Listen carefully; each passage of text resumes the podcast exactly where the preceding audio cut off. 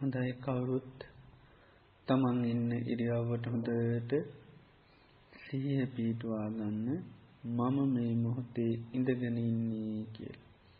ඉන්න ඉරියාවට හොඳට සිහී පීටවා ගන්න.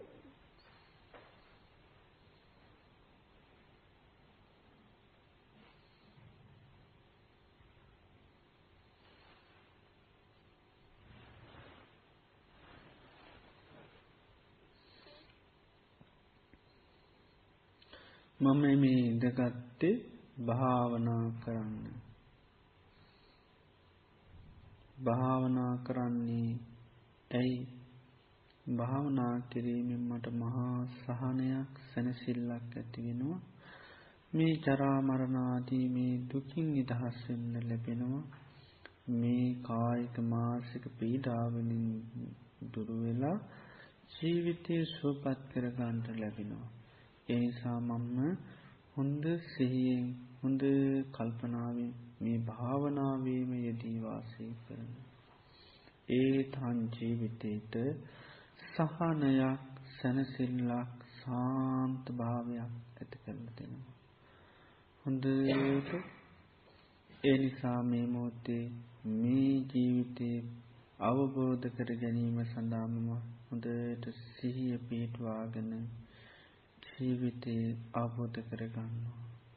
බුදුරජාණන් වහන්සේ දේශනා කරා මේ ජීවිතය ඔබගේ නොවේ.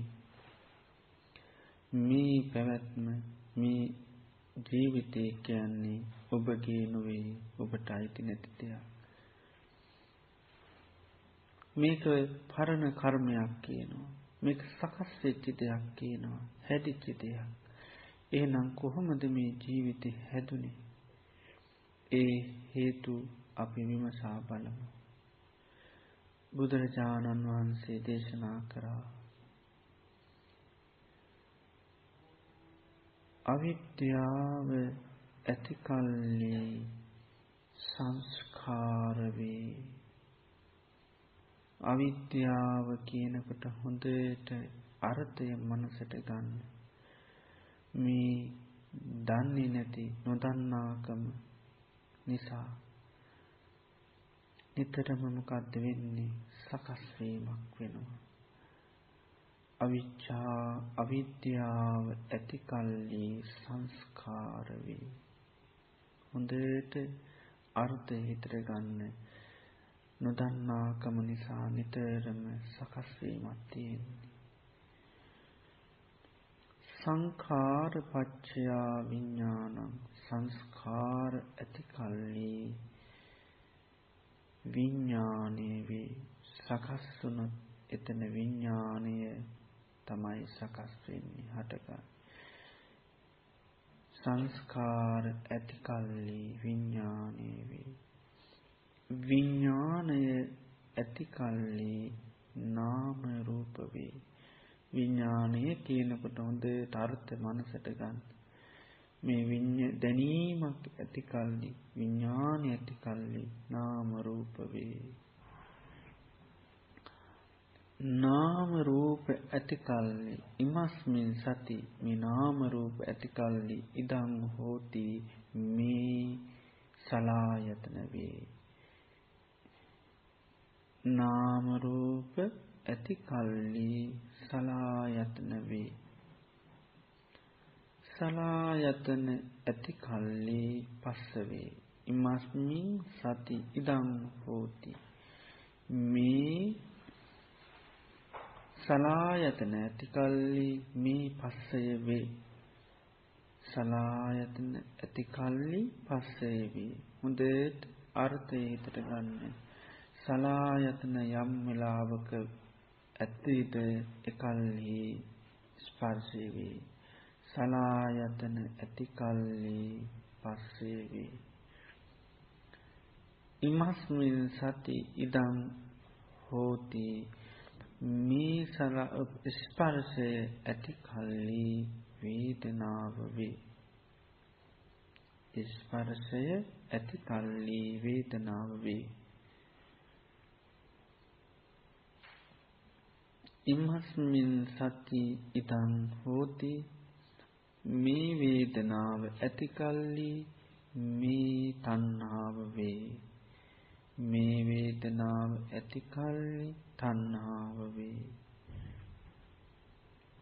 වේදනාව ඇතිකල්ලි තණ්හාව වේ.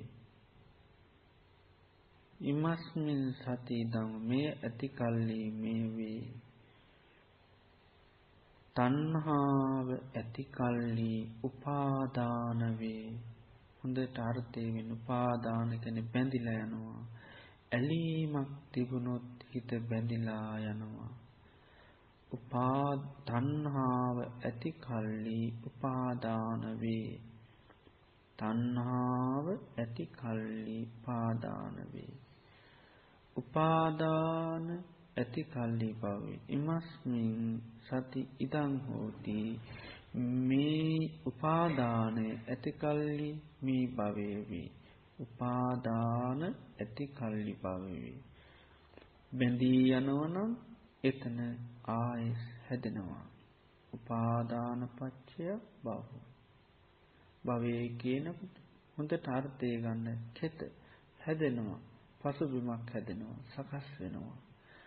උපාදාන ඇති කල්ලි භවය වේ. භවය ඇති කල්හි උපත වේ. ඉමස්මින් සති ඉදං මේ උපත ඇති කල්ලි භවය ඇති කල්ලි උපත වේ. මේ භවය ඇති කල්ලි උපත වේ. ඉමස්මින් සති ඉදං භවය ඇති කල්ලි උපත වේ.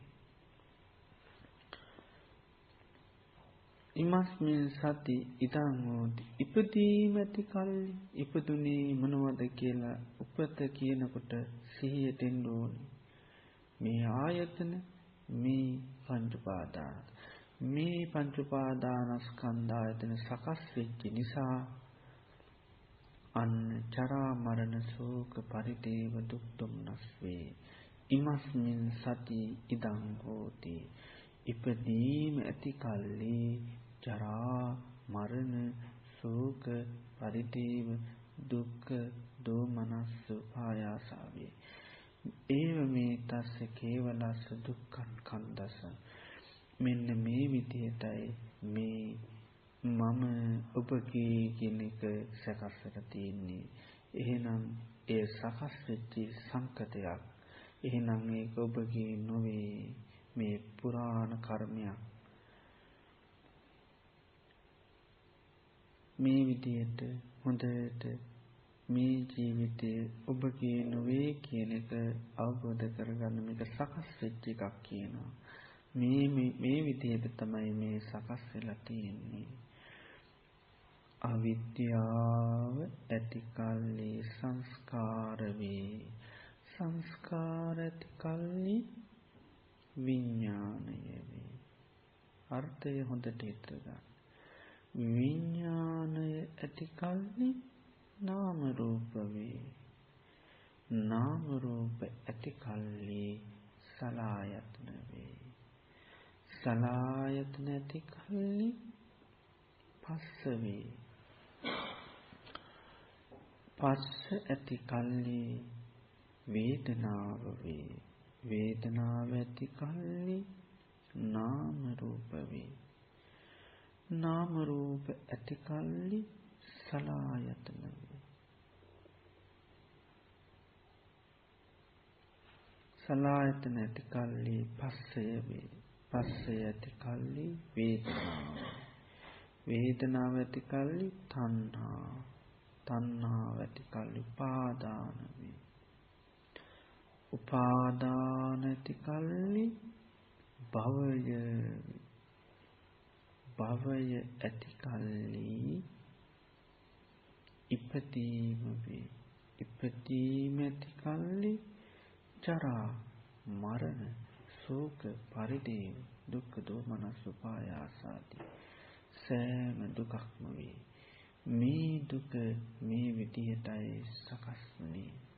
ඒ නිසයි ඔබ කී නොවේ කී ඒ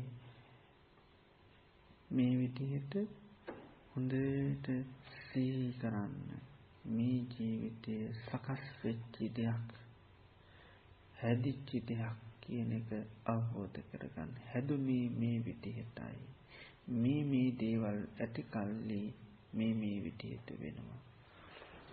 ඉමස්මින් සති දම්මුත් මේ ඇති කල්ලි මේ තියෙනවා. අවිද්‍යාව ඇති කල්ලි සංස්කාර වේ. අවිද්‍යාව ඇති කල්හි සංස්කාර වේ. සකස් වෙලා තියෙනවා නම් විඤ්ඤාණ. සංස්කාර ඇති කල්හි විඤ්ඤාණය විඤ්ඤාණය ඇති කල්හි නාම රූප වේ නාම රූප ඇති කල්හි සලආයතන වේ හොඳට අර්ථය හිතට ගන්න නාම රූප තියෙනවා නම් එතන සලආයතන තියෙන්නේ. සලආයතන ඇති කල්ලි පස්ස වේ. ස්පර්ශය ඇති කල්ලි වේදනාව වේ. වේදනාව ඇති කල්ලි තණ්හාව වේ. තණ්හාව ඇති කල්ලි උපාදාන වේ. උපාදාන ඇති කල්ලි භවය වේ. භවය ඇති කල්ලි ජරා මරණ ශෝක පරිදේව දුක් දුම්නස් මෙන්න මේ විදිහටයි දුක සකස් වුනේ මේ විදිහටයි දුක සකස් වෙන්නේ මේ පුරාණ කර්මය හැදුනේ මේ විදිහටයි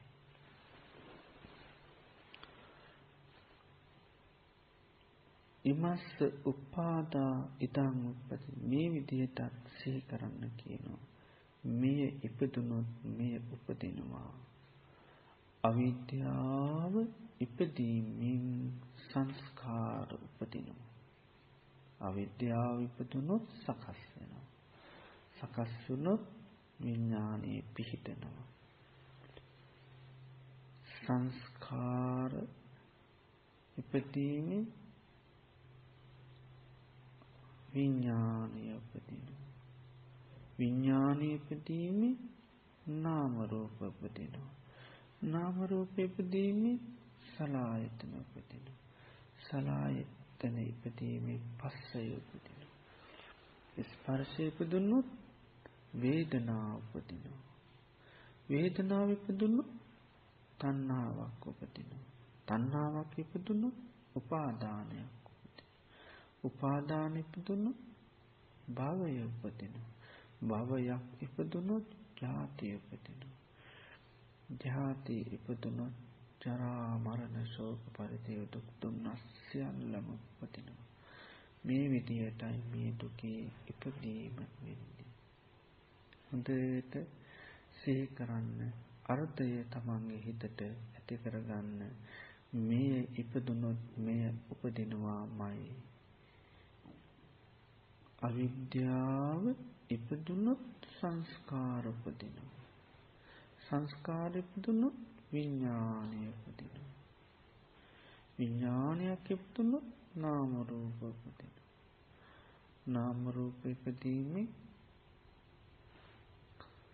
සලායතන උපදිනවා. සලායතන ඉපදීමේ ස්පර්ශය උපදිනවා. ඒ ස්පර්ශය උපදීමෙන් වේදනා උපදිනවා. වේදනා ඉපදීමේ තණ්හාව උපදිනවා. තණ්හාව ඉපදීමේ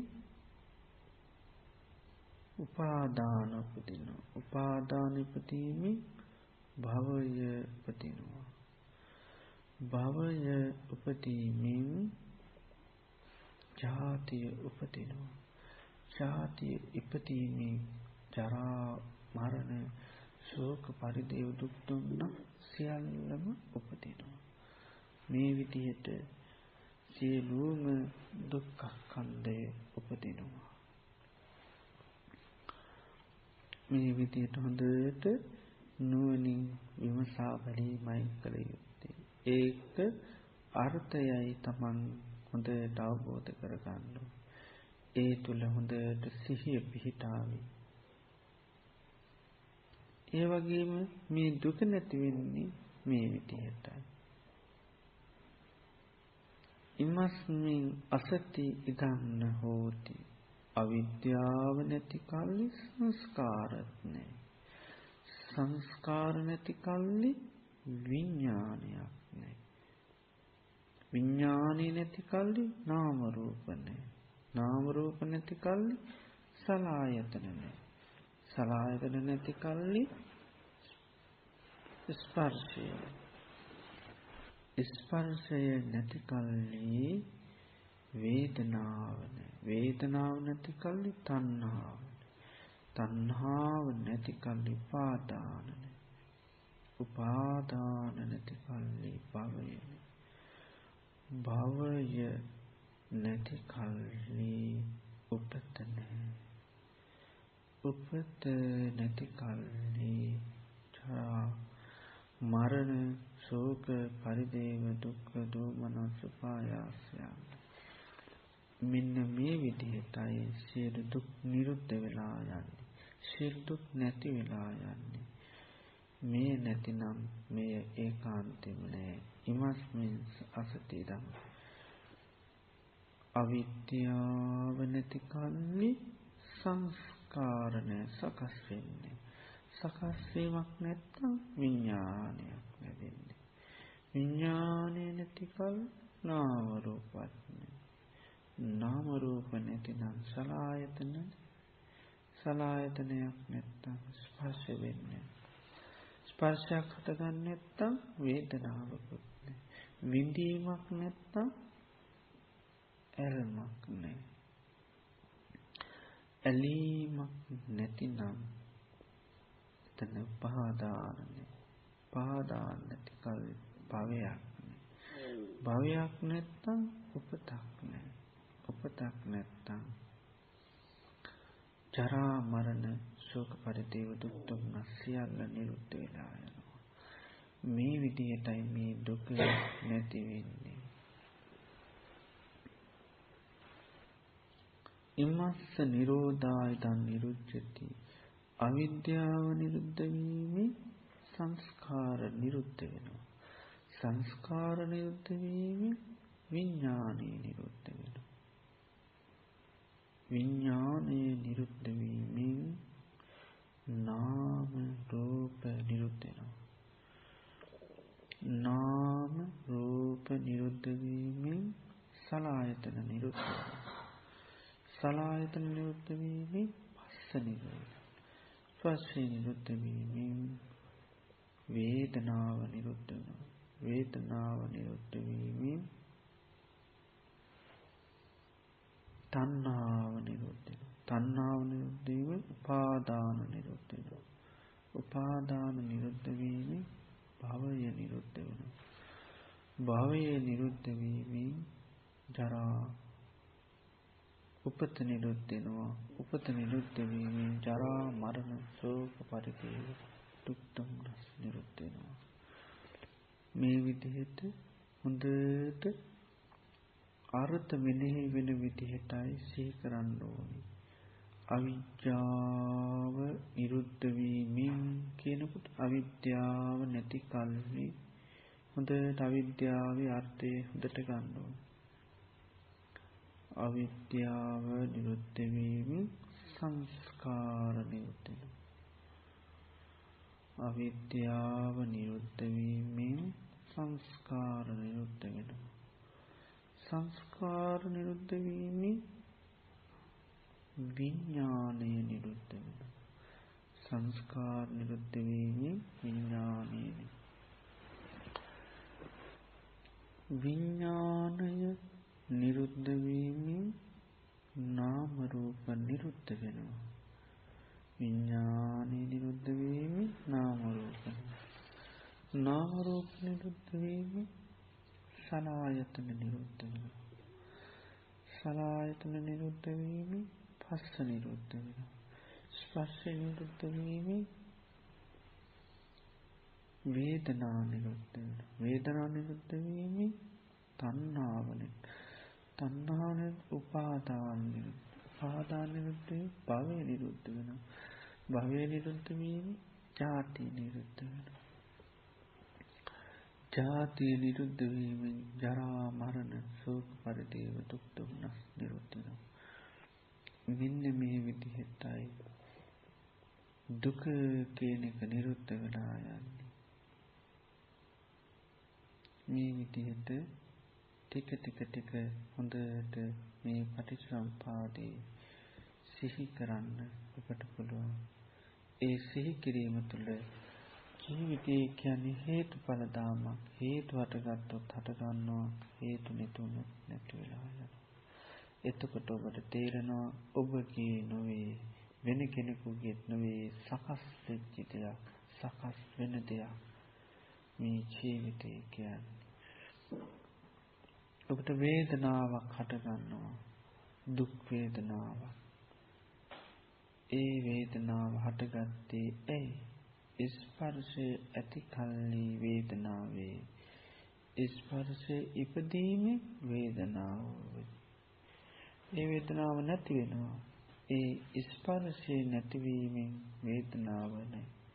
ස්පර්ශය නැති කල්ලි වේදනාවනේ ස්පර්ශ නිරෝධ වීමෙන් වේදනාව නිරුද්ධ වේ මේ විදිහට වේදනාවක් හටගත්තු ඔබගේ නොවේ කියලා අවබෝධ කරගන්න පුළුවන්. මේ විදියට ලැබෙන ලැබෙන හැම වෙලේම මේ පටිච්චසමුපාදය හොඳට සාදුකම් යෝනිසෝ මනසිකරවත හොඳට නුවණින් විමස විමස බලන්න මේ විදිහට. හොඳයි හැම දිනාටම මේ පටිච්චසමුපාදය අවබෝධ කරගන්න ලැබේවා. සාදු.